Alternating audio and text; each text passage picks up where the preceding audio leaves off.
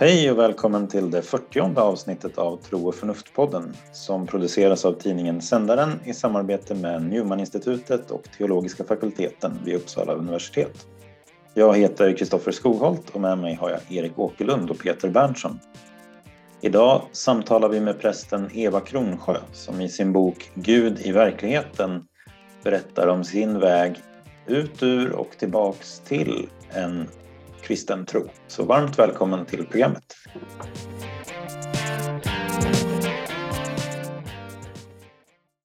Ja, välkommen till del två då av den här serien som vi har med två avsnitt om en förändrad tro eller en lämnad tro. Och eh, idag så kommer vi att samtala med Eva Kronsjö som, som vi sa då är präst i Svenska kyrkan och som eh, i sin bok Gud i verkligheten förutom att hon presenterar Emilia Fågelklo och Ignatius av Loyola och eh, den danske filosofen och teologen K.E. Lögstrup så inleder hon med en, en berättelse om sin egen resa och hur hon blev kristen genom Jesusrörelsen på 70-talet, ett varmt karismatiskt sammanhang. Men efter ett antal år blev obekväm med en eh, dualism som hon uppfattar då att det blir så väldigt starka kontraster mellan kyrkan och världen och att världen är väldigt fallen men det är bara i kyrkan som, som Gud finns så att säga. Och sen en väg till en förändrad gudsbild och teologisk världsförståelse kan man väl säga. Mm. Mm. Vad tänker ni inför samtalet? Eh, vi kommer väl troligen få då eh, en berättelse från en lite annan del av eh, resan med, med kristen tro och så än vad vi fick förra programmet. Eh, så mm. jag tror att det kan bli en bra eh, kompletterande, lite kompletterande perspektiv på det här hur ja, kyrka och kristen tro utvecklas över livet och hur mm. förhållandet ja. det ser ut. Om inte annat så tog ju vad ska man säga, deras livsresor lite olika eh, väg vidare. Jag tror att de, Amanda och Eva nog skulle vara överens om ganska många av vad ska vi säga, problemen de ser i den kyrklighet de först fann eh, en tro i. Mm. Mm. I Amandas fall, ja. helt och hållet. Ja. Jag, jag tänker ju att eh, vi pratade ju, förpratade lite med Eva eh, inför det här samtalet och då var min, min känsla att hon har en ganska god förmåga att förmedla så att säga, den existentiella relevansen av olika teologiska Eh, perspektiv. Så teologi kan man ju ibland uppfatta som lite abstrakt och liksom sådär. Men att mm. liksom, man frågar sig vilken, hur tänker man relationen mellan Gud och världen och sådär så kan det låta väldigt abstrakt. Men Eva är liksom, det är så tydligt att det för henne, hon kan liksom utlägga vilka existentiella konsekvenser olika paradigm har. Så att säga. Mm. Och där tänker jag att det är någonting som vi försöker utforska det men vi gör det kanske oftare på det här mer filosofiska abstrakta planet. Även om, om det för oss också är liksom existentiellt mm. laddat så tänker jag att Eva är nog bättre på att förmedla liksom den här existentiella relevansen och konsekvensen av olika teologiska ramverk eller paradigm. Liksom. Mm. Men jag tycker inte vi väntar längre. Nej, vi bjuder in vi bjud, exakt. henne så får vi lyssna på Absolut, så gör vi.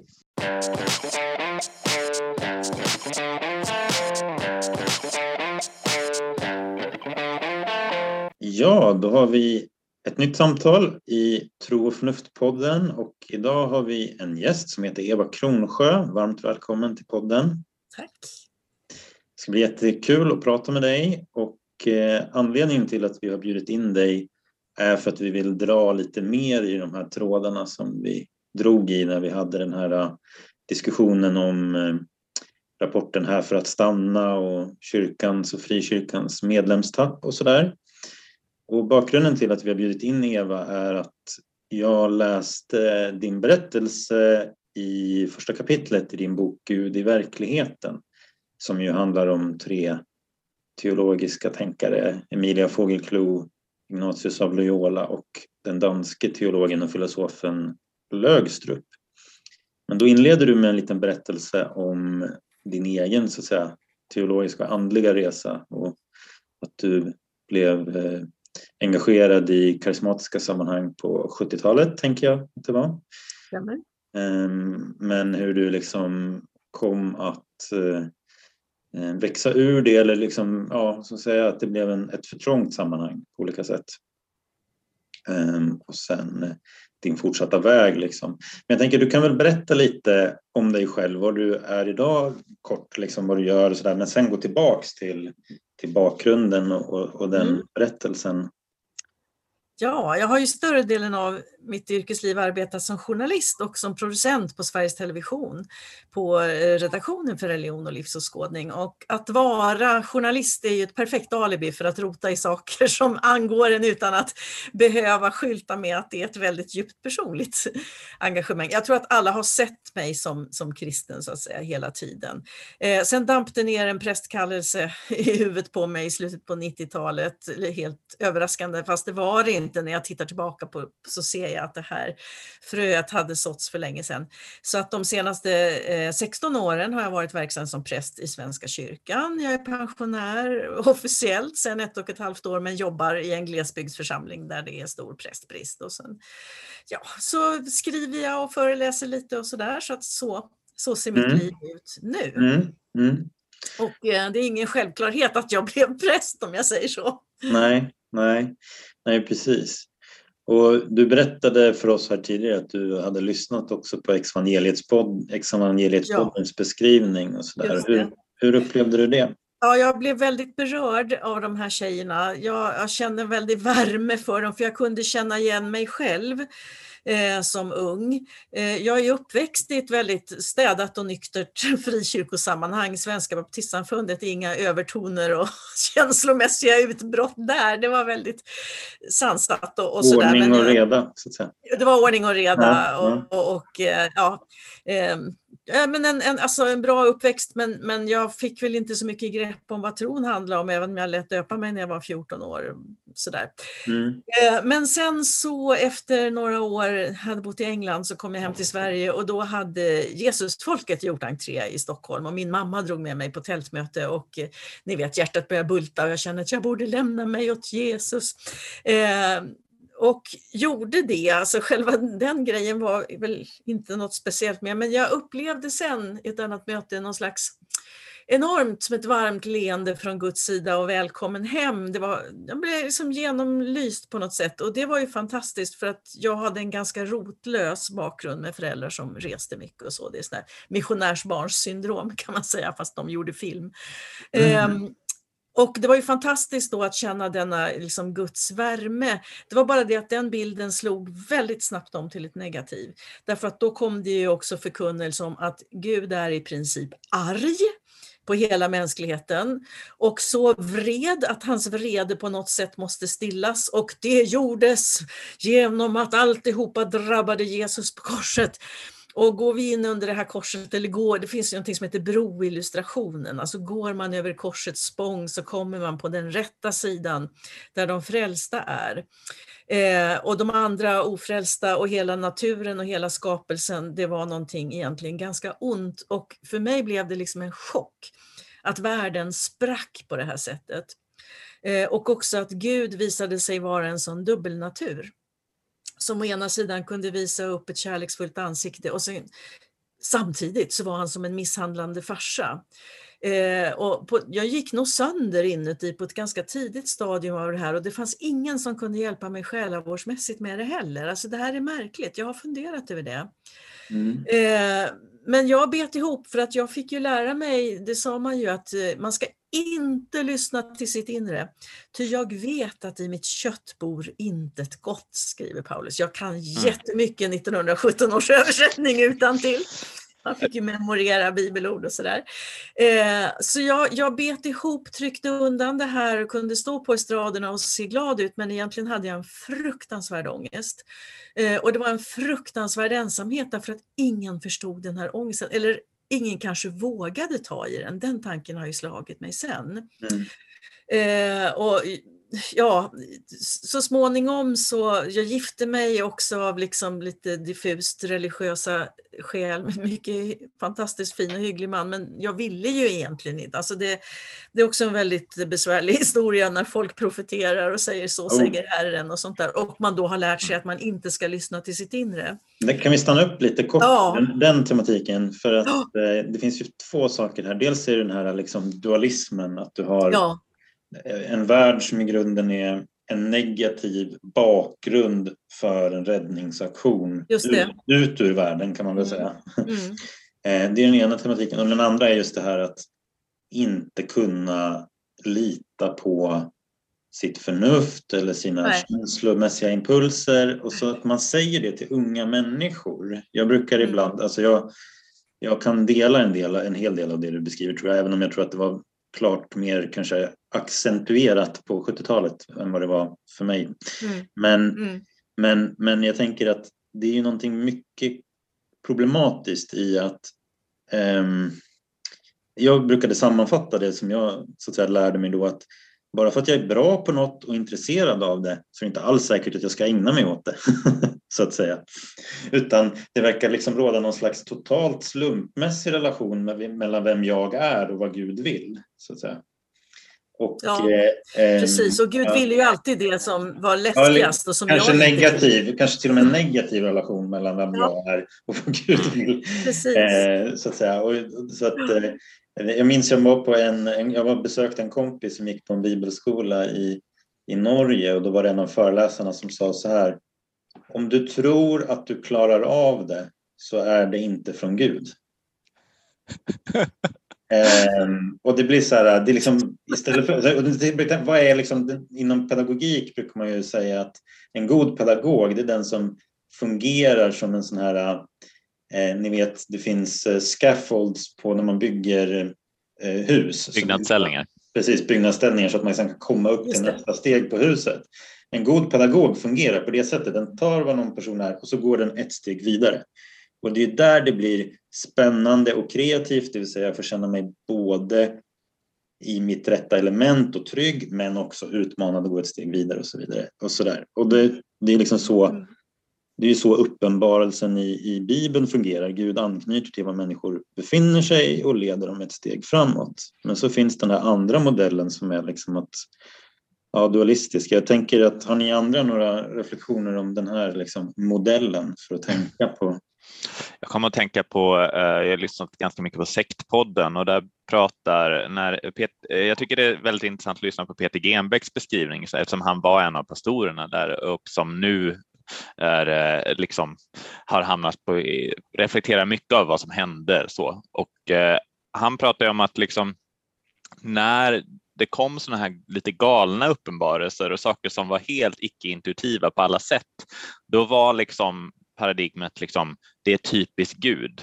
Eh, det är typiskt Gud om någonting tänkte man om någonting inte made sense at all. Liksom. Så Gud, precis, och det här var vi ju inne på. Vi hade ett avsnitt förra ja. i höstas när vi pratade om, för där finns det ju ett sånt märk, det finns ett sånt talande exempel i Knutby-dokumentären där, där Åsa Waldau säger just det här till Peter Genbeck när han är skeptisk till tanken mm. att hon skulle vara Kristi brud. Att, ja, men det är just för att det är absurt som det är, är från Gud. Det är inte för att vi ser en skönhet eller en sanning, en godhet liksom, som vi kanske inte själva kunde räkna ut men ändå känner igen utan det är liksom just för att det är absurt. Mm. Um, ja. För min del så, så var jag tänkte när du sa det här med en god pedagog som bygger en byggnadsställning Eh, min väg ut ur det här, alltså, alltså, det blev ett psykologiskt trauma och jag, var väl, jag brottades med nästan daglig ångest under många, många år faktiskt. Men eh, min dåvarande man och jag flyttade sen till Saudiarabien för att han jobbade på ett svenskt projekt där och då hamnade vi i en sån här expatriate-församling. De hade lyckats smuggla in en egen pastor, en, en, en eh, amerikansk armenier, eh, som heter Bill and Tablin och jag minns så väl en av de första gudstjänsterna. Det var ju alla sorters kristna där och det var någon Southern Baptist som höll på att härja någonting om Bibeln vad det var. Så säger han Well, I'm not a fundamentalist. Och i denna öken, vi bodde mitt i, i öknen i Riyadh, eh, och denna vettiga person som predikar så bra som säger I'm not a fundamentalist. Wow, man kan vara kristen på andra sätt. Eh, och, och, så hans, hans förkunnelse hjälpte mig oerhört mycket. Och sen hamnade jag på väldigt märkliga vis eh, i en drömgrupp som leddes av en kvinna som hennes man jobbade för saudiska regeringen, hon var amerikanska och höll på att utbilda sig till Jung-analytiker och det var ju verkligen alla varningsklockor, fult, fult. Men det var ju så fantastiskt när jag äntligen fick börja lyssna till mitt inre så var det väldigt goda läkande bilder som kom. Och jag glömmer aldrig, jag hade en dröm om, som landade i, alltså det var ett barrträd, det var en, en spröd och vacker gran men den hade inte barr, den hade löv. Och då vet jag att den här psykologen Evie, som hon hette, sa Oh wow, it's an evergreen but it has the ability to change its leaves. Alltså det är en evigt grön men den kan växla blad, grönska och det där har jag känt, ja men det är det som har hänt sen. För att när jag började våga navigera efter, alltså att faktiskt det var viktigt att lyssna till mig själv, vad klingar sant, vad skorrar falskt. Eh, och jag, jag också vid ett tillfälle faktiskt sa upp bekantskapen med Gud. Jag kastade min bibel i väggen och så tänkte att nu är jag inte kristen längre. Eh, och jag sörjde oerhört en hel sommar, jag berättade det inte för någon. Eh, men det märkliga var, jag hamnade på någon sån här lite kontemplativ samling med Margareta Melin, vi bara skulle sitta på en pall och landa i vårt eget inre. Och jag kan inte förklara hur, men det var som att Gud rann upp inifrån. Eh, och, och sen följde en resa där jag då var tvungen att gå ur det här äktenskapet efter ganska många år, vilket var traumatiskt på ett sätt. Det var också en väg ut i öknen. Men där någonting alltså, jag fick stå på egna ben, pröva livet och ja, det, alltså Gud var med mig. Jag vet inte hur jag skulle klara det här annars. Och så kommer detta märkliga då med att jag förstår att jag har en prästkallelse.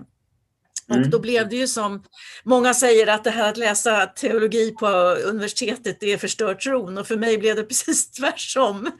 Eh, det var fönster som slogs upp och frisk luft som strömmade in och det jag hade brottats med var ju just den här dualismen som jag tycker är gnostisk. Som teolog idag så kan jag ju identifiera det här som en form av gnosticism, alltså att det materiella skapelsen är ont och vi ska rädda oss till himlen Eh, vi ska bort från det här, det finns en evakueringsplan.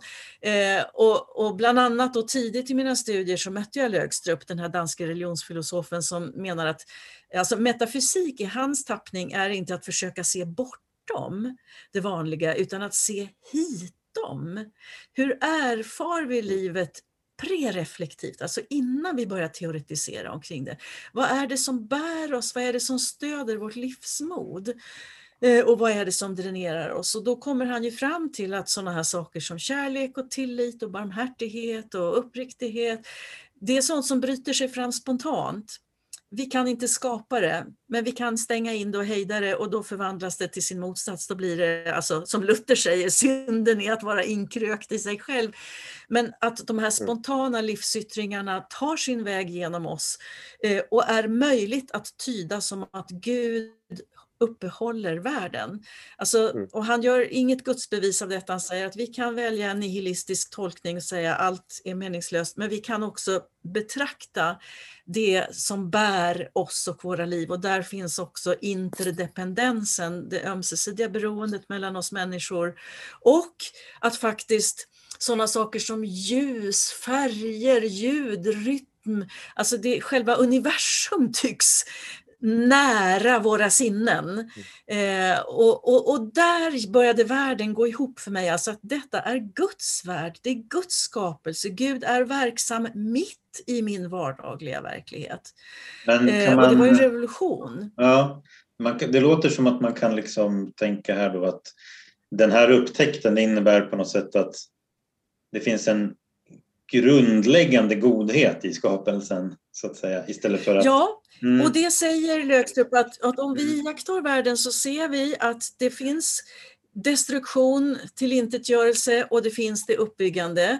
Och, och, och, ja, vi får välja vilket vi fäster oss vid så att säga. Men han, han menar ju att det goda kommer först. Alltså misstron skulle inte ha någonting att angripa om inte den ursprungliga tilliten fanns. Nej. Det onda, det destruktiva skulle inte ha någonting att angripa om inte skapelse kom först och då finner han ju i Bibelns skapelseberättelse det är också ett, ett, ett stöd för att alltså, Gud såg att det var gott, där är grunden. Och sen för honom blir ju också Jesus Kristus liksom den historiska fästpunkten för att vi har anledning att lita till denna grundläggande givmildhet i skapelsen. Ja. Eh, Men det är aldrig, aldrig avgjort. Vi må, vi måste avgöra oss varje dag egentligen. Ja, Vilket väljer jag att Just lita det. på. Mm. Just det.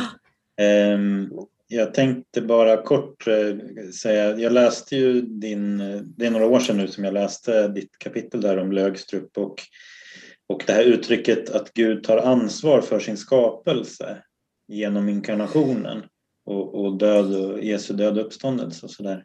Mm. Det är ju relaterat till Att det här Gud tar, ja, destruktionen. han tar konsekvenserna av Mm. den här spänningen som är. Alltså det tycks Mm. vara så att det finns en frihet för hela skapelsen.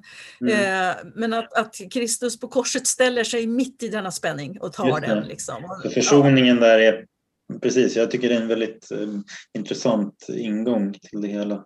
Ja, nu ska vi se. Peter, du har, eh, vad tänkte du på? Jo, nej, men jag eh, kan inte undgå att reflektera lite kring den här med den ursprungliga godheten så att säga, alltså som vi nu pratar om. Alltså att någonstans att synd, det du sa Eva om att synden skulle inte ha ett insteg i, i världen, en, en, en öppning om det inte bygger på en slags en grundläggande god skapelse. Ehm, och jag kan uppleva att där har ju vi, du och jag är ju båda vigda för tjänst i Svenska kyrkan, en det. ev- evangelisk luthersk kyrka och, och där det är inte alla som betonar, särskilt inte idag, men det finns en slags teologisk berättelse där om att vi är djupt fallna, alltså vi är så fördärvade att det inte går att lita till till exempel förnuftet, att det inte går att lita till våra, våra instinkter. Och, eh, Kristoffer och jag har pratat inte minst om att det, det ibland har liksom, det, i alla fall det, vad ska vi säga, det temat, den tankefiguren har ibland liksom tagits till extrema eh, grader i ett karismatiskt sammanhang där det blir väldigt mycket, där, där man lägger på det dessutom med den här mer eh, himmel, himmel, jord, ande, kött dikotomin. Liksom. Alltså att det blir liksom om du, du kan inte, det vi sa, det vi pratade om tidigare, det, du kan inte lita på ditt känsloliv, du kan inte lita på dina intuitioner. Eh, har du sett en sån, eh, så när du började närma dig den lutherska, vad ska vi säga, eh, Nej, tron? alltså jag har inte mött det i mina svenskkyrkliga sammanhang, det Nej. kan jag inte säga. Eh, Och det som fascinerar mig, och för att en annan gestalt som ganska snart kom in i mitt liv, det var ju Ignatius av Loyola. Mm. Eh, som jag upplever, alltså den spiritualiteten är ju väldigt spridd i Svenska kyrkan och på Mm. frammarsch. Så jag fungerar själv som andlig vägledare, jag är mitt i att göra de 30 dagarna, jag har delat upp det på tre. Eh, och, och, där, det här, och där, det går ju helt ihop med Lögstrup och när Ignatius börjar liksom med princip och fundament så är det för att först och främst så ska jag fatta att jag är älskad och skapad av Gud. Och när jag har landat i det, då kan jag titta på synden. Vad är det som förstör den här goda skapelsen? Och, och sen inse och landa i, jag är, en, ja, jag är bristfällig, men jag är en älskad syndare. Jag är en älskad bristfällig människa och han vill ha mig i sin tjänst. Och då tycker jag att Ignatius hjälper oss att omsätta Luther i, i, i, i praktisk verklighet. Eh, Så jag tycker att de där två är någon slags andliga kusiner. Att, att eh, Luther stormade mot de yttre strukturerna mycket medan Ignatius ville restaurera inifrån. Så att jag tror att det finns ett skäl till att, att den ignatianska andligheten eh, är så stark i Svenska kyrkan. Att det här på något sätt hjälper oss att, att leva det. Och jag tycker ju att Ignatius och, och Lögstrup Eh, alltså Ignatius talar ju om att, att söka och finna Gud i alla ting, att se hur Mm. Gud arbetar och anstränger sig för mig i allt skapat. Och, och jag, det, den grundläggande synden är att vara otacksam. Eh, eh, vi har anledning att ge en, en tacksamhetens och kärlekens respons på allt detta som kommer oss till mötes.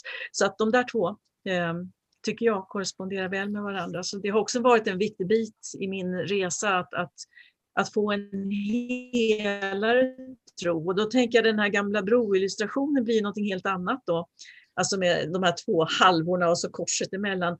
Alltså hur, hur korset håller ihop denna splittrade tillvaro och läker samman den. För ihop dem. Eh, så det är min omtolkning. Ja, men det Ja, är precis. Och, alltså, att kunna leva i den Mm. spänningen eh, istället för att fly till den ena eller andra polen. Så.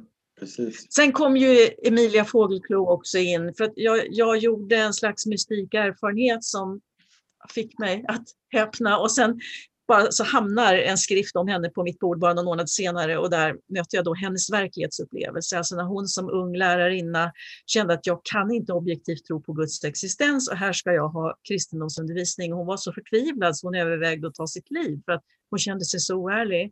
Och mitt i den förtvivlan när hon inser jag kan inte objektivt tro på Gud, så bryter ett ljus, en godhet, en barmhärtighet igenom som fullständigt överraskar henne och sen blir styrande för hela hennes liv. Så att då, då känner jag att då har jag Lögstrup på ena sidan som en, en klart intellektuellt han är, det är verkligen med intellektet, alltså han, och han är ju fenomenolog, alltså att iaktta fenomenen och reflektera kring dem. Och så kommer Emilia med det intuitiva. Ehm, och hon gick ju och skrev in sig hos Axel Hägerström som var Ingmar Hedenius lärofader för att riktigt testa sin erfarenhet. Så att här har vi liksom det intellektuella, det mystika, intuitiva och för mig så håller Ignatius ihop Just de här två. Det där är min Ja, trio som, Ja, ja, som har hjälpt. Och det är på den grunden jag står som präst i Svenska kyrkan. Ja, precis, intressant. Vi ska lämna, släppa in Erik nu då. Du, Jag har en, en, egentligen en jättefråga. Alltså, det är ju så väldigt intressant att lyssna på dig. Men, men det, jag slår när jag, när jag lyssnar på det just hur, hur det är som att det är, det är helheter som kommer. Antingen den där första helheten eller den där andra. Och det verkar vara ett väldigt nästan oskyldigt jättelitet val i mitten sådär. Eller hur man nu ska karaktärisera det. Alltså det Ja. här med att lita på intuition eller, eller inte så att säga. För om jag inte litar på min intuition, då kan jag varken göra det moraliskt eller intellektuellt. Och då får man den här... Då, då, då, går det ner ända ner, så att säga. Det är två världar som bara Mm. glider isär där. Eller då att, att ha den här andra världen, att, att få ihop det, att faktiskt lita på sin intuition, som visserligen sen kan utmanas förstås om man förs vidare. Mm. Och, det där spänner både över psykologiskt och det, det är liksom Ja, ja. en intellektuell, och du är inne på det. Men har du, Mm. du har ju erfarenhet av många människor från andlig vägledning och, och från olika även psy- psykologisammanhang och så. Hur, hur så att säga, eftersom det just handlar om helheter, hur är din erfarenhet att man har, kan få någon ingång till om man har en Jo, sån här... men, men här, helhet. här tycker jag då, det som blev, har blivit väldigt stor hjälp för mig personligen och som jag ser också väldigt användbart i själavården, det är ju alltså Eh, dels Erik Homburg Eriksson som har beskrivit människans åtta utvecklingsfaser. Och det är så underbart med Eriksson därför att han ser ju att utvecklingen fortsätter hela livet. Jag är 68 år idag och jag reser fortfarande i tron. Det är underbart. Eh, men han visar ju på att som ung vuxen eller liksom adolescensen, sena tonåren, ung vuxen, då behöver man en väldigt fast ram. Det är en totalitet och allt ryms innanför den där totala ramen. En svart, det är en svartvit bild och det känner vi alla igen från, från vår ungdom. Eh, och det där behövs för att få tillräckligt med konfliktfri energi för att ta sig ur liksom barndomens bindningar och sådär. Men den normala mänskliga psykologiska utvecklingen där måste den här totalitära ramen så småningom brista för att ge rum för en helhet. Och en helhet hålls samman av sitt centrum, av ett hjärta kan man säga. Och det som utmärker helheten är att den också är föränderlig och utvecklingsbar och kan liksom byta skepnad, men den har det här tydliga centrumet. Eh, och det tycker jag är en otroligt bra beskrivning av det här som också den religionspsykologiska forskaren Fowler, som Göran Bergstrand har skrivit om, alltså den första och den andra naiviteten. Och jag tror att de här problemen med unga människor som inte kan stanna i frikyrkan kan ha någonting att göra. För Eriksson skriver att tyvärr, tyvärr så tenderar religiösa och politiska rörelser att hålla kvar människor i den totalitära ramen. Att strukturerna medger inte att ramen brister och att något nytt växer fram, vilket är lite paradoxalt eftersom vi tror på en Gud som håller för att dö och uppstå. Eh, men att, att det kan vara någonting där att, att alltså strukturerna inte medger eller att ledarskapet själva inte förmår härbärgera en sån här process. Mm. För jag tror att mycket av det som kallas dekonstruktion av tron kanske är en helt naturlig, alltså vetekornet måste brista. Om inte vetekornet faller i jorden och dör så förblir det ett ensamt korn, det kommer ingen växt. Eh, och min gissning, så här har det sett ut i mitt liv i alla fall, och min gissning är att det ligger någonting i att man, att man av kanske rädsla och vi lever i en oerhört sekulariserad tid, alltså att man håller fast vid den där ramen och då ryms liksom inte den naturliga utvecklingen och då ligger det kanske ganska nära till hands att tro att ja, men då måste jag bli ateist. Men jag tror Så också, tänker jag. Ja, jag håller med. Och jag tror att, men jag tror att det är för att man också tänker i ett slags tron, i ett slags endimensionellt kontinuum mellan mm. eh, väldigt så att säga rigid, kanske biblicistisk fundamentalism och sen så har vi en total relativism på andra sidan och så är det som att alla varianter ligger liksom på samma dimension men på olika platser i det där kontinuumet. Och ofta är det ju mm. så att snarare handlar det om, jag tror att det man saknar är ett språk för vad händer när, när tron djupnar. Det vill säga, det är inte så att jag blir mer relativistisk egentligen i den, liksom den här konfigurationen utan det handlar om att jag djupnar och för min del så har det varit viktigt då dels med liksom filosofiska redskap och teologiska redskap och liksom lite exegetisk förståelse och sådana här saker att man förstår. Så till exempel om jag skulle diskutera med en kreationist som tolkar skapelseberättelsen bokstavligt så är inte min ingång att Ja, men jag lättar lite på liksom betydelsen. Nej, precis. Utan jag säger ju snarare låt oss fördjupa oss i vad det betyder. Liksom. Och, det, och, det, är det jag tycker ges liksom inga redskap. Alltså, om man åtminstone kunde ha en modell för, man kanske inte alltid vet vad nästa steg innebär, men att man åtminstone har en medvetenhet om att en förändring handlar liksom inte om att bli slappare utan det handlar om att bli djupare. Liksom. Ja, och det där är jätte, för det där fick jag ju alltid höra, va? att ja, mm. de där liberalteologerna mm. de bara är så, de är så slarviga. Och så Jag har ett citat här av Karl Rahner som är en person som jag också är väldigt fascinerad av. Eh, och han, jag tycker att han beskriver den här helheten och andra naiviteten på ett väldigt fint sätt. Han skriver så här att vår tro måste vara sådan att icke ens den icke-troende kan förneka att vi här har en människa som är lik honom själv. En nutida människa på vilkens läppar Guds ord inte kommer på något enkelt och billigt sätt, som inte anser att han förstått allting och som trots detta, eller snarare på grund av detta, är troende. Kristendomen är nämligen inte en formel som förklarar allting, utan ett radikalt underordnande av jaget under det obegripliga mysterium som har uppenbarat sig själv som outgrundlig kärlek. Jag tycker det där är fantastiskt sätt. Alltså att, att inte, jag behöver inte ha en total förklaring, men jag står i en relation som som medger min växt och min utveckling och just som du säger att kunna se djupet till exempel i bibeltexterna. Mm. För att jag tror att många som, som känner sig tvungna att sitta i den här lådan tror att jag måste ha svar på allting. Mm. och det är väl kanske befrielsen från det och att, mm. att lita på processen också. Mm. Eh, och där är ju den andliga urskiljningen som Ignatius mm. har lärt oss så oerhört viktig. Alltså vad är det som ger liv? Vad är det som gör mig mer generös, öppen, tillvänd mot både Gud och människor? Vad bär en god frukt? Och vad är det som låser mig i rädsla och fruktan som får mig att sluta mig inom mitt skal. Och det räcker egentligen att ha, ha mm. liksom de där principerna på, att gå efter. Och för då är det alltså en dialog. Mm. Vad sa du? Ja, på frukterna ska ni känna dem. Det, det, ja. Ja. ja, men precis. Mm. Och att då, det är inte bara min intuition jag behöver lita på utan också vilken frukt bär det? Vart tar mig den här mm. eh, insikten till exempel? Jag tyckte det var en, att, att, att, hålla ihop mm. mystik och filosofi. Ja, ja precis. Mm. precis.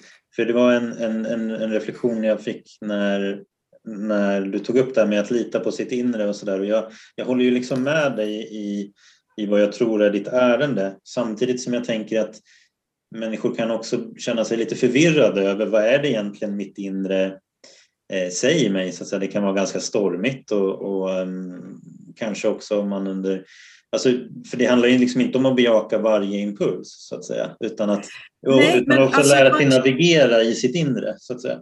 Ja, och eh, vart leder impulserna? Ja, men exakt. Alltså, och där där tänker jag att det är jättemärkligt att, att, eh, att vi liksom i, alltså I karismatiska sammanhang pratar man ju ganska mycket om att Gud leder oss genom känslomässiga saker och så där, men man ger nästan inga redskap för att liksom, eh, ha någon slags urskiljning kring, kring vilka impulser som, som, eh, som så att säga är värda att, att lyssna på och ta på allvar eller, eller liksom följa. Så att säga. Det är väl det där att välja den minst intuitiva. Den, det, det värsta du kan tänka dig, det är vad Gud vill.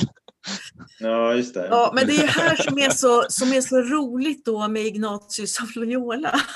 Alltså, jag, jag upphör aldrig att fascineras av den här personen på 1500-talet som hade en sån oerhörd insikt i människans psykologi och inre. Alltså det är å ena sidan en jättefast ram, alltså de andliga övningarna är så otroligt strukturerade eh, och, och eh, du ska be om en viss nåd liksom att förstå det här och, och, och du kan gå in i bibeltexter med inlevelse och så. Och samtidigt så skapar den här ordningen som han ställer upp en sån enorm frihet för Alltså det, eh, eh, och då måste man ju lita på faktiskt att Gud är med i processen och Ignatius är ju övertygad om, att, och det där skriver Raner om också, att, att Gud faktiskt är verksam i människans inre om vi bara förstår att, att lyssna. Och vi har liksom, det finns en struktur att följa, det är inte bara något planlöst. Eh, utan det är det här att upptäcka att jag är skapad och älskad av Gud och sen har jättemycket gått åt skogen i både mitt och världens liv.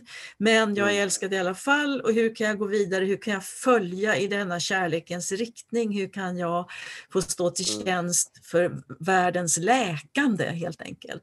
Så att det är den här mm. blandningen av en fast struktur som öppnar upp där alltså hela mitt inre och saker lyfts upp som jag kanske inte har tänkt på på 40 40 år eh, som plötsligt får en relevans och kommer in i ett sammanhang. Så jag tror att det är den kombinationen, precis som att filosofi och mystik men, alltså det här möts ju hos Ignatius. Det, man säger att det är en världstill, världstillvänd mystik, contemplatives in action som de säger på engelska.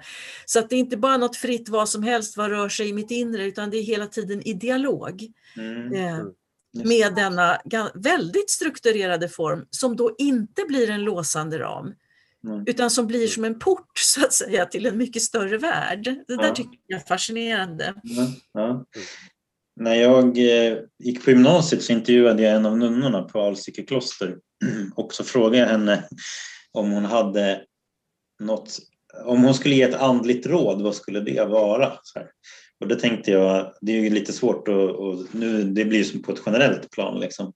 Men, eh, men hon gav ett ganska bra svar som jag kan nämna sen. Men jag tänkte jag kanske kan fråga dig det om du, om du skulle ge ett andligt råd, vad, vad skulle det till? Det är ju precis, då har du liksom ut här nu då till, till kanske, mm, kanske någon som ändå kan känna igen sig i, i det vi pratar om här, då, om vi ska smalna in det något. Liksom. Ja, men alltså, jag, kan, jag kommer ihåg eh, den polske filmregissören Kieslowski som gjorde mm. den här filmserien Dekalogen bland annat. Han fick frågan, vad är det du vill säga med dina filmer? Och så först var han ju lite irriterad som alla konstnärer blir som får den där frågan. Men sen sa han, nej men det jag vill säga är, lev uppmärksamt. Lev mm. uppmärksamt. Och alltså tror vi att Gud är verksam i sin värld, i sin skapelse, i, människ i människan, alltså var uppmärksam. Vad leder till liv? Och vad är det som tar och kväver liv? Och jag tror man kan börja där. Alltså det, det är en ingång som räcker långt. Och jag, jag, känner jättemycket för de här tjejerna i evangeliet. Alltså för jag, jag kan känna igen precis liksom det de berättar, för jag blev också traumatiserad. Jag kunde lika gärna ha gått den, den vägen och jag moraliserar inte över att de gör det för att Ibland behöver man någonting riktigt kraftfullt för att ta sig ur någonting som är destruktivt. Men det jag skulle kunna säga är liksom till dem, lev uppmärksamt, se vad som ger liv, navigera efter det som ökar kärleken, tilliten, barmhärtigheten, medkänslan. Så jag tycker att det räcker långt mm. att börja med. Mm. Tack så mycket. Ehm, jag kan nämna vad hon sa. Hon sa ärlighet, sa hon. Eh, var hennes. Ja. Och, och och då, var det så, då blev jag så här, när hon sa det så blev jag förvånad. Och sen blev jag liksom började tänka på varför blev jag förvånad över, den här, över det här rådet. Liksom. Men, eh, men, eh, men det var, det, ja precis. Men för att det är också någonting i många ska vi säga, toxiska andliga miljöer så att säga, att det blir inte en eh, mylla för ärlighet så att säga. Nej. Det där var något som jag, jag intervjuade för några år sedan Torbjörn Frey som ju driver ett, eh, eh, en slags, eh, det heter Celebrate Recovery som, som jobbar med lite missbruksproblematik och sådana saker. Och eh, inom AA då, det är ju inspirerat av AA, så är ju just ärligheten en, en av de där grundläggande liksom, eh, andliga råden då, inom, eller principerna. Sådär.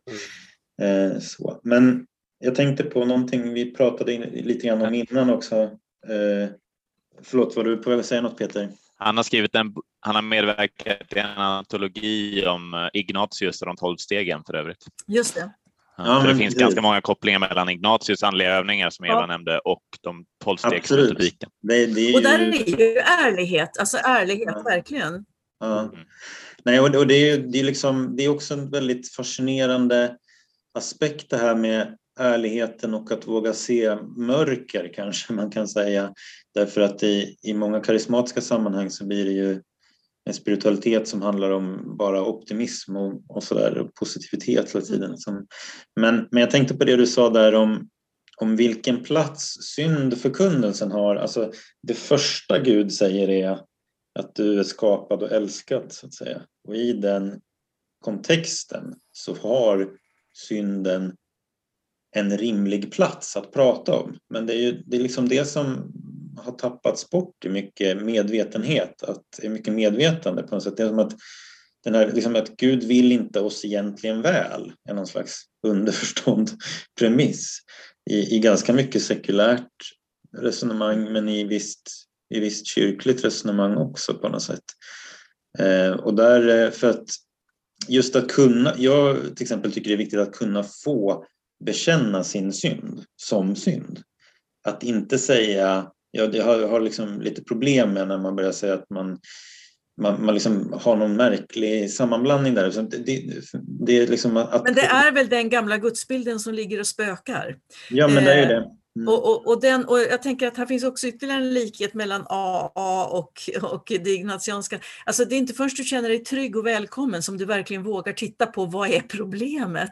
Eh, och, och, som, och det här är, jag menar, N.T. Wright, aktad exeget och, och teolog, biskop i anglikanska kyrkan, stort namn också i evangelikala kretsar. Han menar ju att det här är ju en distortion, alltså en förvrängning av evangeliet med den här arga gudomen som egentligen vill nita dit oss. Alltihopa handlar om en Gud som skapar av kärlek, en enorm vilja till liv och som vill läka det här som förstör livet, som vill läka oss och återföra oss och att, att också det, vi växer som ansvariga människor när vi också får se detta har jag ansvar för, det här har jag gjort, det här har jag missat.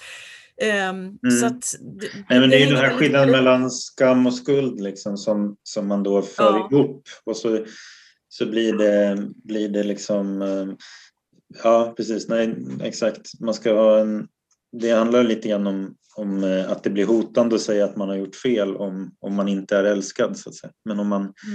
men om man är älskad så kan det vara en del i en läkedomsprocess så att säga. Att, att, eh, att bekänna sin synd. Så.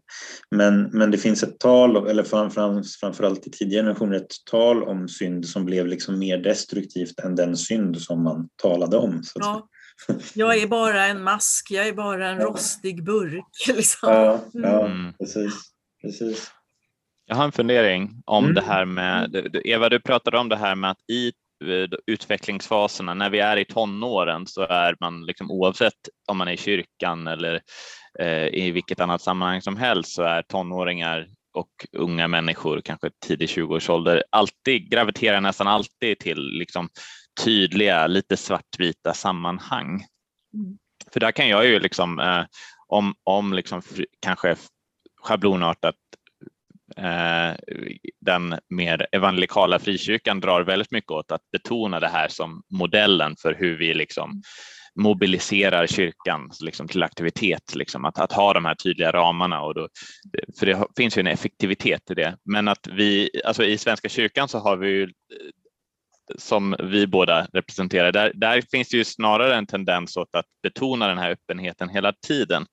Eh, och då kan ju risken bli då att man inte, man ser inte ramarna, man kommer inte in innanför de här eh, om vi inte pekar tillräckligt tydligt på någon slags eh, någon slags fundament eller någon slags ramar så, så är det inte säkert att man hittar friheten från dem heller. Förstår du vad jag far efter då? Vad, ja, alltså... jag förstår vad du far efter men jag är inte säker på att jag håller med. Alltså, jag tycker att vi ska vara tydliga med vår berättelse eh, och vara mm. trogna den och det är en berättelse om en Gud som primärt vill liv till varje pris. Mm och som gör en räddningsaktion för att, att läka detta splittrade liv som vi alla känner igen. Så att jag, jag tror ju att det, det, alltså den här ramen, den har vi naturligt i, i, i just den åldern och jag tror, tycker mm. inte att det är någon poäng kanske med att försöka hålla fast den för att man sen ska, ska mm. få en frihet. Jag tror att det är en ganska naturlig eh, utveckling. Eh, Richard Rohr som är franciskan och väl lite kontroversiell så, men jag tycker han har en hel del poänger. Han pratar om att vi måste börja i order eh, det, med en fast form. Så här. Det är där vi börjar. För att, och sen, sen, blir det disorder för att det ska kunna bli reorder.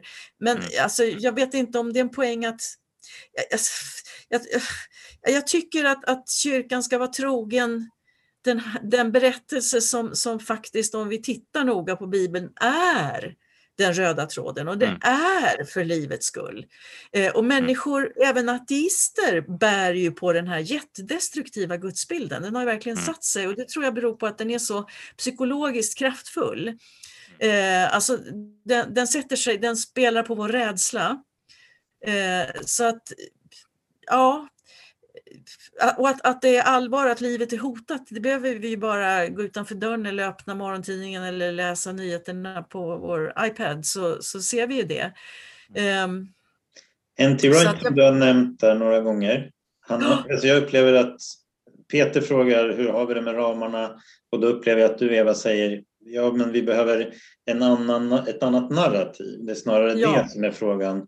Alltså vad ja. är Guds primära relation till världen? Och där, där du ju tänker eh, ungefär i samma linje då som, som en sån som N.T. Wright och som, som jag själv också sympatiserar med, nämligen att Gud vill eh, eh, rädda den här världen och att inkarnation handlar om att Gud blir närvarande i den här I världen. Den här världen. Mm.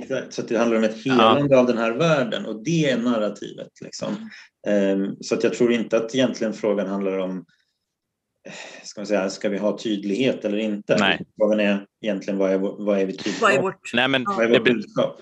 Ja, men exakt, det är lite det jag far efter. Så att vi mm. egentligen kanske är överens om att det är såklart man behöver i en viss ålder få en lite förenklad bild av vad det kristna budskapet är. Men frågan är vad den förenklade bilden tar fasta mm. på. Är det den här arge guden som vill, som vill liksom eh, dela upp världen i, mm. och, och, bygga en bro där vi ska man, bland de rädda. Man kan väl säga, man kanske kan säga skillnaden är så här, ibland fastnar eh, så att säga, vissa i att bara säga att det var fel det här med den arga guden. Men det finns inget positivt budskap. Man kan ju gå ett steg längre och säga mm.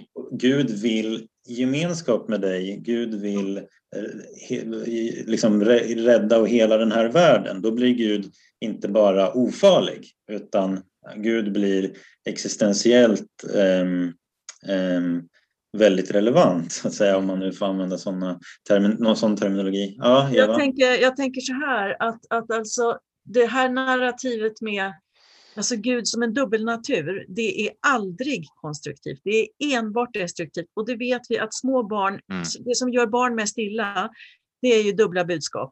Alltså det, det raserar hela den inre tilliten. Eh, en passionerad Gud, det är någonting annat. Det är kärlekens vrede över att saker går sönder. Vad, blir, vad, vad, gör vi när våra ungar förstör? Vi har gett dem något jättefint och så sabbar Klart man blir arg, men alltså det är någonting helt annat än den här dubbelnatursguden som när som helst kan svänga om och klippa till oss. Men alltså den passionerade guden, det, mm. det, vad är passionshistorien? Liksom? Mm. Mm. Det är ju Gud, makes a fool of himself, alltså blottar sig till det yttersta. Fattar ni? um, jag tror att den, det är en psykologiskt eh, trovärdig och sund bild, därför att den här dubbelnatursguden är skadlig jag är skadad av den gudsbilden. Jag har fått arbeta jättemycket med det. Och jag mm. tror att många av dem som lämnar också de här frikyrkliga sammanhangen alltså är skadade av just den här mm. dubbelheten. Precis. Um, vi ska börja avrunda lite nu. Um, stort tack Eva, det här blev längre än vad vi tänkte men det gör ingenting. Vi sa det innan. Vad roligt att få vara med. Ja, jättekul att du vill vara med, ville vara med. Och eh, vi kommer säkert få anledning att, att, ta upp de här frågorna igen och kan se om vi kan ha med dig också i flera samtal. Eh, väldigt kul att du ville vara med. Och eh, ja, är det någonting mer som du vill tillägga innan vi avrundar? Nej, jag tror att jag har fått väldigt mycket talutrymme och det var faktiskt väldigt roligt att få vara med. Jag tycker att det är så fräscht och spännande det ni gör. Så att, eh, tack för inbjudan och förtroendet. Tack. Tack. Eh, vi säger så så länge då och eh, önskar dig allt gott och så Tack på återhörande. Tack så mycket. Hej då. Hej då.